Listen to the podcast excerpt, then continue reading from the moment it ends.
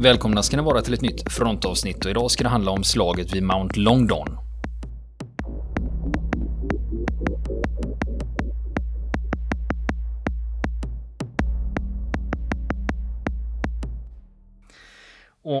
Sjätte pluton, de som sitter lite längre söderut på krönet, de sitter fortfarande fast på grund av prickskyttar. Och en av korporalerna där, Doc Murdoch, kan träffas i låret av en prickskytt. Och nästa skott träffar honom i armen. Och tredje skottet träffar honom i huvudet och då tappar han synen. Men han dör inte av det tredje skottet. Utan berättar för sina kamrater i närheten vad som, har hänt, vad som händer med honom då. Men för när han ramlar då, då, har han knappen till radion intryckt. Mm. Så att hela tiden när han ligger där och är sårad så mm. hör de på radion vad han genomlider då. Mm. Eh, han dog ju inte av det tredje skottet i huvudet. Men så småningom så dör han av de här skadorna. Och de som var där och såg det här, de är övertygade om att den argentinske prickskytten gjorde det här med vilje. Alltså låren, armen, huvudet. Och en av mm. britterna sa så här. He was really toyed with by that guy. Han lekte med honom. Mm. Och när Murdoch föll så var ju sändarknappen intryckt så allting han råkar ut för där mm. sänds ju ut då. Och det gör också att de eh, andra soldaterna blir tvungna att byta frekvens för att överhuvudtaget kunna ha samband. För när han, så länge hans knapp är intryckt så tar ju han upp tar han nätet då. Precis. Och sen eh, norrut då. A-kompaniet och understödskompaniet. De har lyckats ta sig längre fram mot Wing Forward norr om berget. Men de har fortfarande problem med prickskyttar som gör att de ligger still. Plus att nu har de eld mot sig från haubitsar och det är 105 och 155 mm. Så de kommer ingenstans just nu. Och sen har vi ju fjärde och femte pluton i B-kompaniet. De bromsas av ihållande kulspruteeld. Och plutonchefen för fjärde pluton, han heter löjtnant Andrew Bickdike. Han beordrar sina män att spana av läget och se om det går att bryta igenom och slå ut kulsprutorna. Och de är en grupp som leds av Bickerdike själv och de ska ut och spana med sergeanten Ian McKay. Och Ian McKay är korpral och så har de med sig några meniga. De får eldunderstöd och rusar framåt. Och plutonchefen Bickerdike han träffas nästan med en gång i benet och faller. Och nu är det sergeant McKay som tar befälet över gruppen. Och istället för att spana, då bestämmer han sig för att genomföra ett anfall mot kulsprutenästet. De stormar alltså framåt, rakt in i kulspruteelden. Och korpralen som är med, han träffas och blir liggande. En menig träffas och stupar. Och ytterligare en menig blir träffad och såras. Men McKay genomför anfallet på egen hand och lyckas ta sig fram till kulsprutan och få in granater i värnet. Och kulsprutan tystnar av explosionen. Och alla i det här värnet stupar. Och sergeant Ian McKay, han påträffas senare liggande död på värnet. Men att slå ut den här kulsprutan, det gör att trycket på fjärde och femte pluton lättar och de kan röra sig framåt igen. Och för den här stormningen, då får mm. Ian McKay Victoriakorset och det är den högsta brittiska militära utmärkelsen. Mm. Och det var bara McKay och överstelöjtnant Jones, han dog mm. ju vid Goose Green. Det är bara de två som får Victoriakorset under Falklandskriget. Ja, eh, och sen andra sedan andra världskriget så är det bara 15 Victoriakors som har delats ut i Storbritannien. Senaste gången det var 2013, då var det till en soldat i One Para och då var det efter strider i Helmand-provinsen i Afghanistan. Men eh, Ian McKay han fick ju sitt eh, Victoriakors postumt och hans änka sålde hans medaljer år 2000. För mm. Victoriakors de är nämligen asdyra. Mm. Eh, du kan få 400 000 pund för ett sånt. Det finns 1358 stycken som man har delat ut. Så mm. den är ganska sällsynt. Ganska begärlig då, liksom i samlarkretsar. Ja. ja, och det är också ett annat problem. Ja. De är stöldbegärliga. Det har stulits mm. flera Victoriakors genom åren. Mm. Men vill man se McKays Victoriakors så har det numera hittat till Imperial War Museum i London. Så där hänger i McKays mm. eh, eh Victoriakors då. Men nu är det ju det här med att McKay har ju slagit ut det här kulsprutenästet. Och det är det som gör att fjärde och femte pluton kan röra sig framåt igen. Och till och med komma upp på första toppen då, fly half. Nu är de liksom uppe på krönet i alla fall. Och fjärde plutonschef, Bickerdike, han är ju sårad och satt ur spel. Så istället får sergeant Fuller befälet. Ja, han snackar ihop sig med en korpral om vad de nu ska göra. Och de ska snickra ihop en plan för fjärde pluton. Och den här planen är inte så komplicerad för den består bara av ett ord. Framåt. Mm. Eh, så fjärde pluton och femte lyckas faktiskt sega sig upp på krönet och försöker ta sig fram över platån som är mm. som en hängmatta. Men längs med den här hängmattan och det andra krönet, fullback, där mm. är det mm. argentinska ställningar. Och de gör ju allt för att stoppa britterna och öser på med vad de har. Så det är liksom inte det att jobbet är inte klart. Nej. Utan nu har man ju liksom kommit upp till krönet, men nu har vi, ju, ja. har vi ju resten av berget kvar då. Just det. Och de börjar vid åtta tiden på kvällen. Och nu är det midnatt. Nu har de hållit på i fyra timmar här. Och argentinska majoren Carizzo Salvadores, han beordrar nu sin reservstyrka på andra toppen, fullback, Och eh, styrkan är 45 man och den består av soldater från första pluton och tionde ingenjörskompaniet. Och eh, de får order om att rycka fram mot eh, britterna och de ska stärka upp försvaret av berget. Och gör, de gör alltså ett motanfall. Men de lyckas trots det inte få britterna att backa. Och britterna har återigen kört fast. De kommer inte framåt. Sjätte pluton längst söderut har försökt, eh, de försöker ta fienden i flanken men de slås tillbaka. Och nu står det och väger här. Vem kommer att vinna striden om berget? För det här är inte klart. Det här kan gå åt vilket håll som helst. För nu är det stalemate. Alltså det, det är som en vågskål. Nu är det låst. Nu är det låst. Och ja, och jag menar som befälhavare har du alltid, du kan alltid säga att ah, vi retirerar. Du kan ju alltid dra dig ur. Eller också att man befäster sig. och fast ibland kan man inte ens det. Nej, För att du är, du är låst i striden och ja. Eller att man biter sig inte. fast. Antingen är det ju framåt, bita dig fast, eller också får man retirera eller försöka. Mm, precis. försöka med någonting. Och i efterhand så har eh, de här striderna på Falklandsöarna de har närmast beskrivits som att britterna bara rullade över argentinarna som var dåligt utrustade och dåligt motiverade värnpliktiga. Men britterna var fler bättre utrustade och bättre motiverade. Men så var det ju inte här, utan britterna har ju stött på en motiverad fiende med kraftig beväpning. Och risken att helt enkelt skita. i väl befästa ställningar. Ja. Utnyttja terrängen väl. Ja. Så Småjobbigt. det, är, det är en tuff situation. Va? Och de har stora förluster eh, i, i nuläget. Och de kommer ingen vart. Och det är också det, hur mycket mannar kan vi tappa här? Sen Speciellt B-kompaniet här har ju åkt på så in i helvete med stryk och har väldigt höga förlustsiffror. Och någonstans blir det också att får du för låga förlustsiffror, ja, men då har du ju ingen kraft kvar att agera. Även om du får fram ammunition så har ja. du inte gubbar som kan avfyra det. Om du får för höga förlustsiffror. Ja. Precis. Så är det så försvagare. Men det finns ju en understödsgrupp ute hos A-kompaniet och de, de har inte kommit någon vart. Utan gör man så här, nu får de order om att skit i A-kompaniet där, utan nu ska ni lämna dem. Och så får ni dra er tillbaka till foten av berget och så kommer ni upp genom B-kompaniets väg då som de har tagit. Och så nu behöver vi eran hjälp för att kunna trycka på framåt här. Och vid halv ett-tiden så är de vid foten av västra sidan av berget och då är de på väg uppför. Och sen vid ett-tiden, då är det Len Carver i femte pluton i B-kompaniet. Och de är en grupp som är på väg framåt på en smal fårstig och det är brant på den här platsen. Och plötsligt, sju meter framför dem, då kliver det ut en argentinsk soldat med en FN-fal vid höften. Han säger Ey, hombre! Och trycker in avtryckaren. Helautomat, skjuter ett helt magasin rätt in i ledet. De två britterna längst fram slänger sig i skydd. Nummer tre träffas av flera kulor och det stupar. Len Carver, som är nummer fyra, han slänger sig i skydd men får ett skott i sidan av bröstkorgen. Kulan går ut genom lungan och sen studsa på ett revben och ut ur kroppen. Och kulhålet sitter i vänster sida ungefär 20 cm nedanför armhålan. Sen dyker det upp flera argentinska soldater på högre positioner omkring dem och öppnar eld ner mot britterna, typiskt bakhåll. Och Len Carver berättar att när han träffades så flög han två meter bakåt och hamnar ute i öppen terräng. Han, det första han gör är att han besvarar elden, men han börjar hosta blod ur näsa och mun och lungan kollapsar och han är helt övertygad om att det är kört. Och kulorna slår in i marken nära honom. En träffar mellan armbågen och huvudet, några centimeter ifrån honom alltså. Och en träffar hans utrustning och en träffar en handgranat utan att den exploderar. Han fattar att det är kört för hans del, och alltså han försöker skydda sitt huvud med händerna. Och efteråt i en intervju så beskriver han han beskriver den här situationen så här. Att, ja, sätt, på inledningsscenen, sätt på inledningsscenen på Saving Private Ryan och blunda. Det var så det lät när jag låg där. Och trots att han ligger i vad han själv kallar för the kill zone så rusar Terry Bowdell och Chris Masterman ur sitt skydd, ut i den här eldstormen och släpar in honom i skydd. Och han låg oskyddad under eld i kanske 10 sekunder, men han själv tycker att det tar timmar innan de hämtar honom. Och efter att han släpats i skydd så är det dags att få ner honom från berget. Och det är tre sårade, men bårbärarna som kommer dit har med sig två bårar. Och sjukvårdarna bedömer att Carver och en till ska ut på bår och den tredje får vänta. Nej, nej, säger Carver. Ta de två på bårarna så går jag efter. Och det gjorde han. Så han knallar ner från berget med kollapsad lunga och hostar blod. Och efteråt så funderar Carver på om den kulan fått i sig passerat genom någon av hans kamrater innan den slagit in i honom. Det, så kan det ju vara. Just det. Och sen, nu är klockan halv två. Då ber majoren Carizzo Salvadores förstärkningar. För på höjden bakom honom, den heter Wireless Ridge, där finns det en pluton. Och nu beordras den att den ska ge sig till Mount Longdon för att berget inte ska falla i fiendens händer. Mm. Och nu eh, efter det så är klockan halv tre på natten. Och nu har bataljonschefen Hugh Pike flyttat upp sitt högkvarter till toppen av Fly Half och analyserar situationen.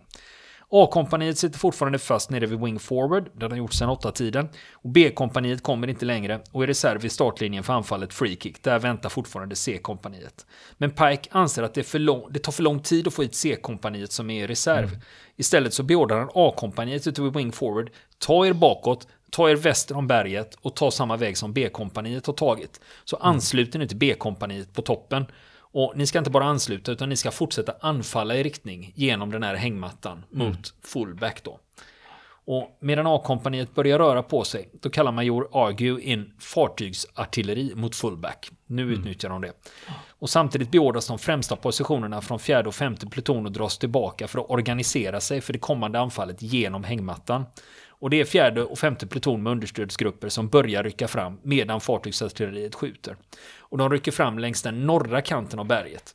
Men vid tretiden på natten har ytterligare argentinska förstärkningar kommit fram från Wireless Ridge. Och de har förstärkt positionerna på berget. Och här var det 46 man från infanteriregementet C-kompani som stärkt upp. Men då är klockan tre på natten. Och B-kompaniet fortsätter att ta sig fram meter för meter här. Och ta mm. sig fram värn efter värn. Men till slut blir elden från argentinerna för kraftig. Och det blir stopp i anfallet. Och B-kompaniet beordras halt. Och nu är B-kompaniet reducerat med hälften. Mm. Hälften av soldaterna i kompaniet har stupat eller sårats eller på annat sätt tagits ur strid. Mm. Men de andra sidan kommit nästan halvvägs till fly half. De har ungefär tagit av den här långa mm. hängmattan så de har ungefär lyckats ta 600 meter. Just det. Och den var ju 1500 meter. Och nu är det då dags att sätta in A-kompaniet som kommer dit och stärker upp. Visa av erfarenheten kommer de att anfalla med stöd av artilleri och de kommer att rycka fram en pluton i taget. De ska ta det långsamt och med hjälp av 66 mm pansarskott Lå, Milan eller GRG ska mm. de slå ut bunkrar och värn och de ska nöta sig fram. De vet ju att B-kompaniet hade problem att de var långsamma, så soldaterna i A-kompaniet får order att ta av sig sina stridsselar och annan utrustning. De ska bara ha vapen och fylla fickorna med magasin och granater. För här handlar det om mm. att kunna vara smidiga och snabba mellan klipporna och stenarna och kunna liksom agera snabbt för att överhuvudtaget överleva. Och de ska jobba i små skyttegrupper och de ska ta mål för mål. Och de startar anfallet med eldunderstöd från artilleri, kulsprutor och tre Milanserviser. Och de har ju kommit över flera 50 kalibers kulsprutor och nu använder de dem för att ge ännu mer eldkraft. Och i en av de här kulsprutegrupperna som har en GPMG, alltså en KSP 58 på stativ, det är mm. korpral Vincent Bramley. Ja, han ligger uppe i eldställning på flyhalf och väntar på order om att ge, väntar på orden eh, mm. att eh, få ge eld. Och han störs av mängden rop från sårade som ligger framför honom och skriker av smärta och på hjälp. Och Bramley bestämmer sig för att ta sig fram och hjälpa dem. Mm. Han är precis börjat röra på sig framåt. Hans plutonchef stoppar honom och säger Gör det inte. Varför? Mm. Ja, men en prickskytt har redan träffat fem eller sex stycken som ville hjälpa till. Det är order uppifrån. Det räcker nu.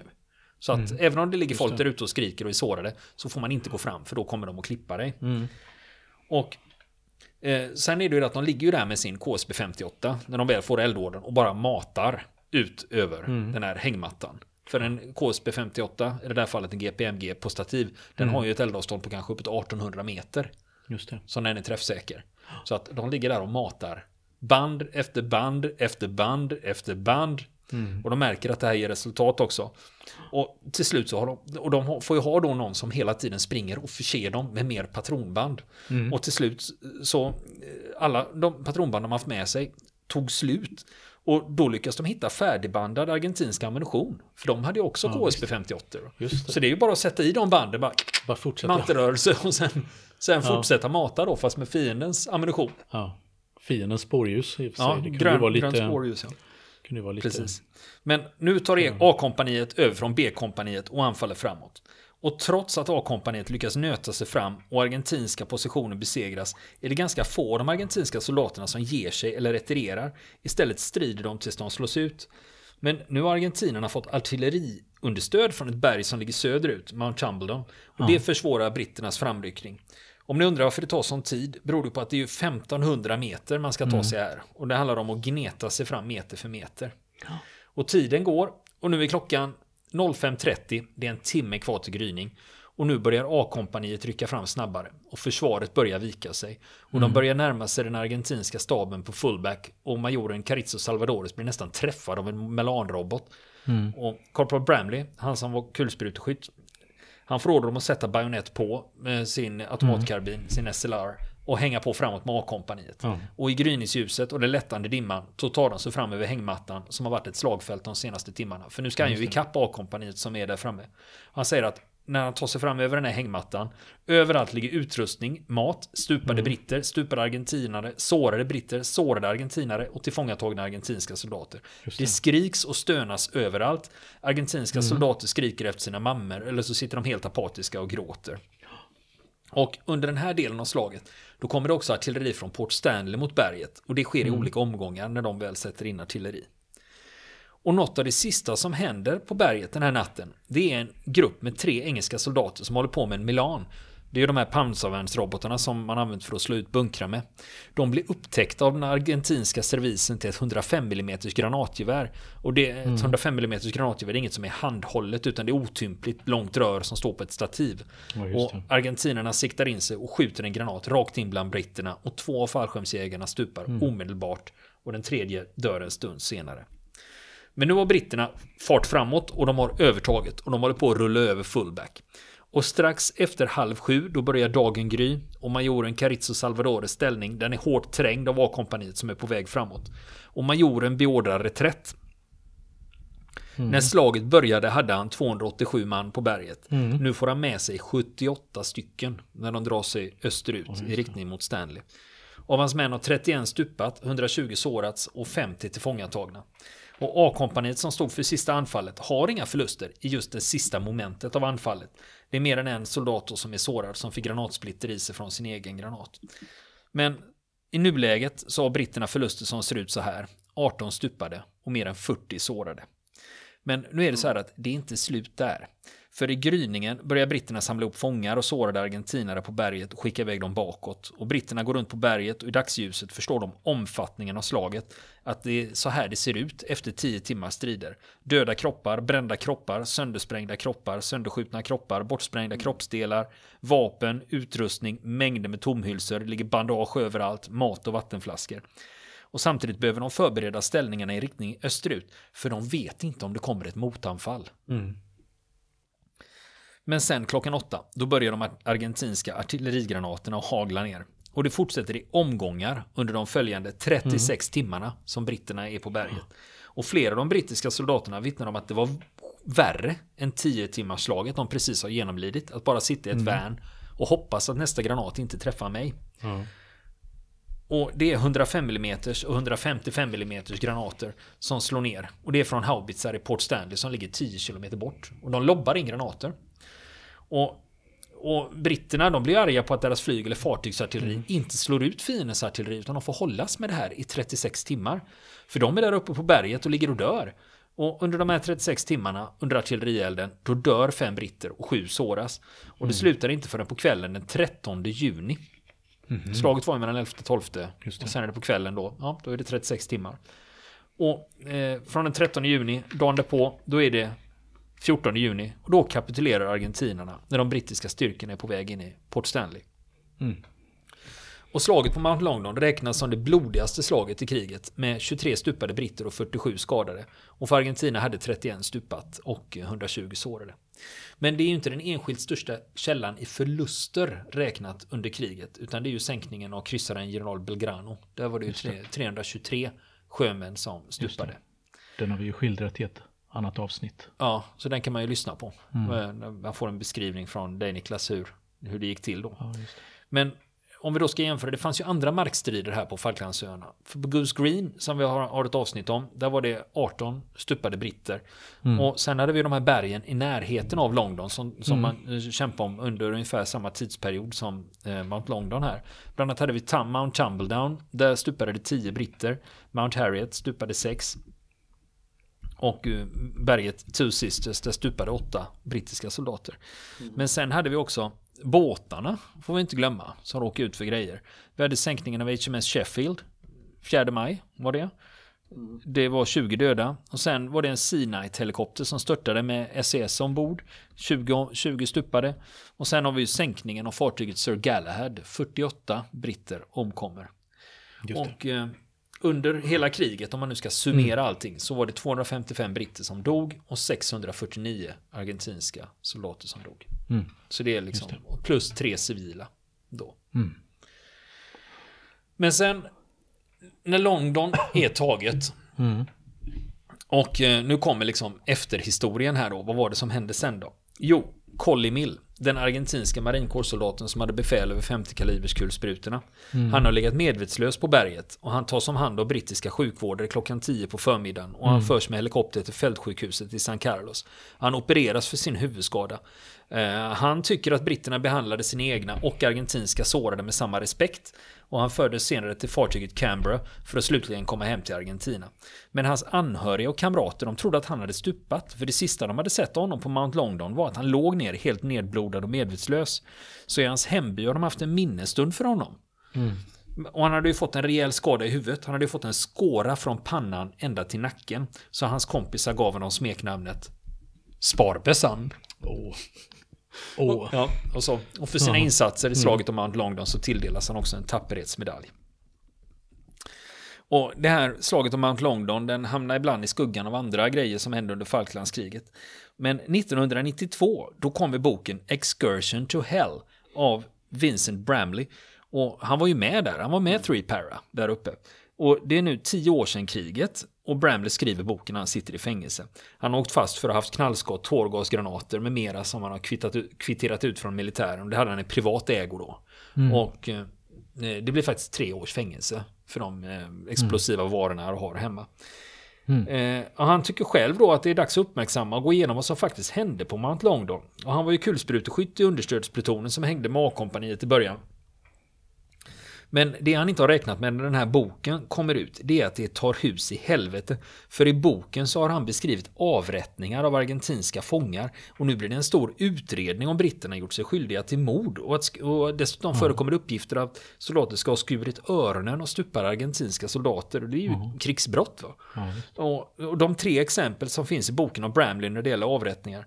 Det, och de är det två saker han har fått berättat för sig av andra som säger att ja, men det här hände när vi var där.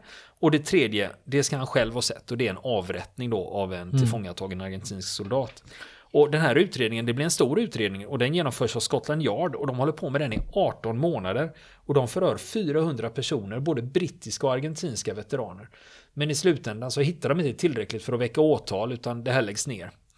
Men boken som sådan, den gör succé i fallskärmsjägarregementet och hyllas för sin osminkade skildring av det slag som de tyckte då, Three Para tyckte att ja, men alla snackar om Ghost Green och Two Para och överste Jones, men vad fan, vi hade ju fan Mount Longdon. Så att det liksom gav dem lite, Lite strålkastarljus där och lite, Ja. precis. och sen från den här typen av strid så eh, kan man också dra lite slutsatser ur lite mer infanteritaktisk synvinkel då. Eh, bland annat så var det ju det här att det här med minfälten runt om. Man, mm. Spaningskompaniet hade ju ändå identifierat, eller trott sig identifiera att det fanns miner. Det fanns alltså 1500 miner runt om Mount Longdon vid det här tillfället när de rusar fram där. Men bara två exploderar. Vad är det som har hänt? De har haft sån jävla tur som marken hade frusit och var hård. Ah, Så då reagerade inte minerna när någon trampade på för de satt ju infrusna i marken. De kunde inte det. vicka på sig eller röra sig eller någonting. Så att eh, man får tur. Och annars tur. hade det nog blivit Ja. mer minskador. Just Mer än de två som skedde. just det. Och sen hade vi ju bataljonschefen, eh, Hugh Pike heter han Mm. för Three Para. Han säger så här efteråt i en intervju. Eh, att det vi lärde oss av Longdon, det är det här att ett, det är viktigt att ha med artilleriofficerare. Så vi kan få in Mm. bra artilleri på de ställen där vi vill ha dem. Mm. Och sen var det det här med tyst framryckning. Fast vi borde ändå använt oss av mer artillerield. På västra änden av berget koncentrerade vi elden. Det, vi borde använt oss av artilleri tidigare och närmare egen trupp på Fly Half. Det skulle sparat liv. Och att styra upp detta i mörker, det är svårt och över tuff terräng. Det krävs disciplin, träning och mod i hela förbandet. Och vi ska koncentrera oss på att jobba tillsammans i små grupper för att lösa problem allt eftersom de dyker upp. Sen lektion nummer fyra, eldkraft. Vi hade bara en kulspruta i varje grupp. Vi borde haft två. 66 mm pansarskott för att slå ut bunkrar. GRG'n, alltså, nu kommer det lite kritik mot Svenska, svensk vapenmateriel här. Han säger okej. GRG var för tung och otymplig för detta uppdrag. Vi skulle behövt... Det vet väl alla som har burit ett GRG någon gång att det är för tungt och otympligt. Ja. Och vi skulle behövt mer automateld. Milan var också viktigt. Vi hade inget pansar med oss, men eldkraft är det som krävs för att segra. Och man behöver så mycket eldkraft som möjligt med sig. Det var vad Hugh Pike sa efter det här. Och sen hade vi ju då han, den argentinska majoren Carlos Eduardo Carrizo Salvadores. Han hade ju ganska smutsigt förlut, för han hade ju ett, ganska, han hade ju ett ganska smutsigt förflutet. Under 2000-talet ställs han inför rätta mot, för brott mot mänskligheten. Och då handlade det om den här massakern. tunga grejer. Ja, Brott mot mänskligheten ja. Då, det, och då handlade det om massakern 1974 och han fälls. Eh, Men han får faktiskt amnesti 2016 med förklaringen att ja, men det här skedde ju faktiskt inte under juntan för de kom ju till makten 1976. Och det här skedde ju 1974 när Juan Perón var president fortfarande. Och eh, så han eh, blir, han får gå fri. Från det här. Sanslöst.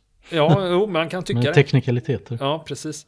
Sen, eh, men det tar inte slut där. 2016 var han inbjuden till ett argentinskt universitet för att prata om just Mount Longdon och Falklandskriget. Men det blev så stora protester att de fick ställa in besöket. Så han står inte så högt upp i kurs i Argentina.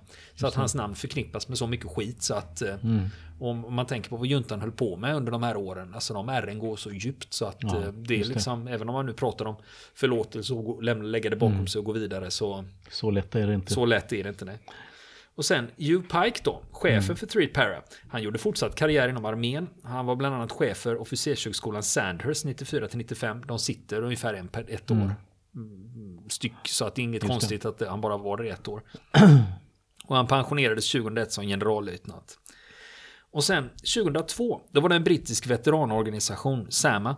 De gick ut och sa att över 260 Falklandsveteraner tagit livet av sig efter kriget.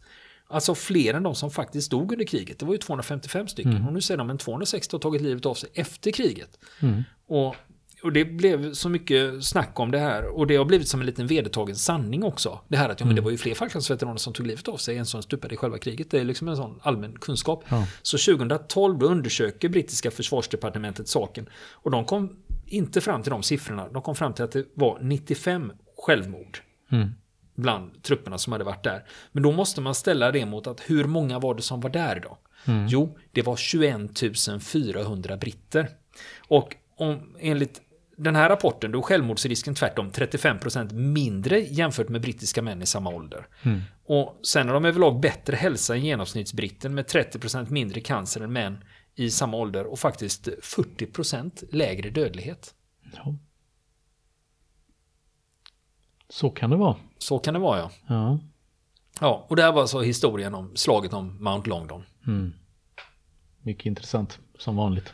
Ja, nej det är just det där när man då ändå pratar att eh, hur high tech får det lov att vara egentligen när man ändå går tillbaka till de här infanteri, klassisk infanteritaktik från ja, århundraden. Eh, Så det är ju liksom inget nytt under solen kan man det. tycka. Just det. Ja, det finns några bra böcker som är skrivna om det här. Bland annat den som jag nämnde här, Excursion to Hell. Den är ju intressant. Eh, Sen också Tre nätter i juni, heter en bok också. Mm. Och sen är det också något som heter, någonting med Green-Eyed Soldiers eller något sånt. Och sen finns det en bok också som jag tittade på, men den var tydligen inte skriven av någon som var där.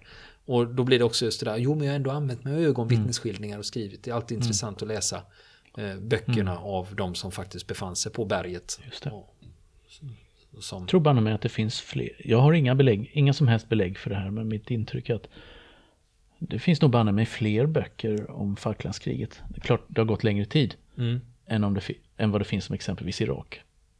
Britterna i Irak. Britterna i Irak. Ja, Ja, där tänk, vi- precis. Och man tänker Ökenstorm där britterna också var med och så vidare. Jag Mm. Ja. tror att det har skrivits mer böcker om Falklandskriget. Ja. Och, ehm, Men jag tror det är också mindre problematisk konflikt. Ja. Den, är ju, den, är, den har inte samma laddning, tror jag. nej, Som- precis. För det, om Kan man, vara det. För om du, sen också om du tittar på vad britterna hade. Britterna Mm. fick ju ett jävla sopigt område i Afghanistan, Helmand-provinsen. Mm. Som var extremt tuff att vistas i och befinna sig och försöka åstadkomma någonting. Det.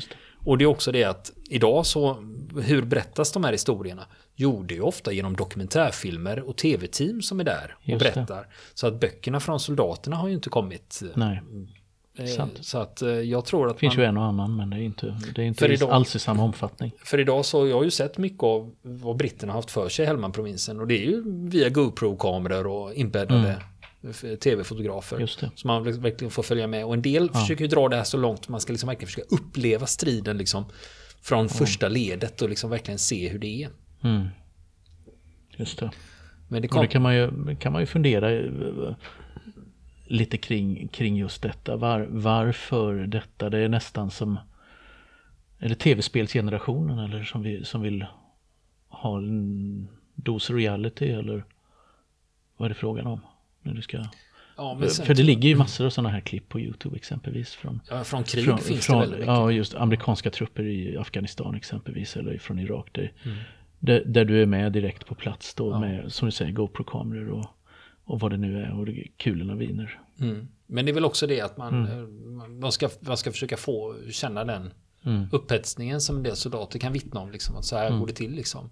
Sen finns det ju tyvärr också en avart av det här. Även om vi då tänker oss att det är seriösa journalister, tv-fotografer som är framme med GoPro-kameror eller Mm. försöker filma. Så finns det ju vissa sajter som bara samlar på liksom, här är de tio bästa sniper, sniper-shotsen från Syrien. Eh, Så liksom, Mm. Ja, så det finns ju den också när man, liksom Ja, bara, man bara visar fem sekunder av eh, när någon blir ihjälskjuten. Och det är ju snuff movies va, egentligen. Ja, är, Som, liksom, som inte fanns är tillgängligt för 30 Nej. år sedan. Att här dör folk på riktigt. Ska jag sitta och Precis. skratta åt det? Haha, vilken dum jävel, varför sticker den ut huvudet där? Eller Ja, hur är just meningen det. att jag ska reagera på det här som tittare? precis. Ja, alltså det där är... Det gick ju inte att föreställa sig egentligen, alltså för bara en 20 år sedan att man skulle kunna den här direktheten så att säga i eh, när man är med med kameran överallt. Mm. Så nu när jag har researchat Mount Longdon här, Mm. det finns ju inga filmklipp därifrån utan det är ju stillbilder som är tagna. Mm. Ja, några argentinska soldater tog ju bilder där före och sen tar ju britterna. De tar ju inte, Mm, efter. det finns ett fåtal bilder på under striden. Mm. Men det enda du ser det är spårljus. Det är ju beckmörkt Ja, va? visst. Så att, och sen är det då bilder som soldaterna själva har tagit, brittiska soldaterna har tagit efteråt när de går runt och fotograferar på slagfältet. Och det är ju inga mysiga grejer som de har Nej, fått det. med på sina negativ där. Det är klart. Vill ni komma i kontakt med oss så kan ni göra det via vår Facebook-sida som heter Fronten. Det är inga problem för er att leta er fram där. Eller också så mejlar ni på vår mejladress och det är frontenpodcast@gmail.com.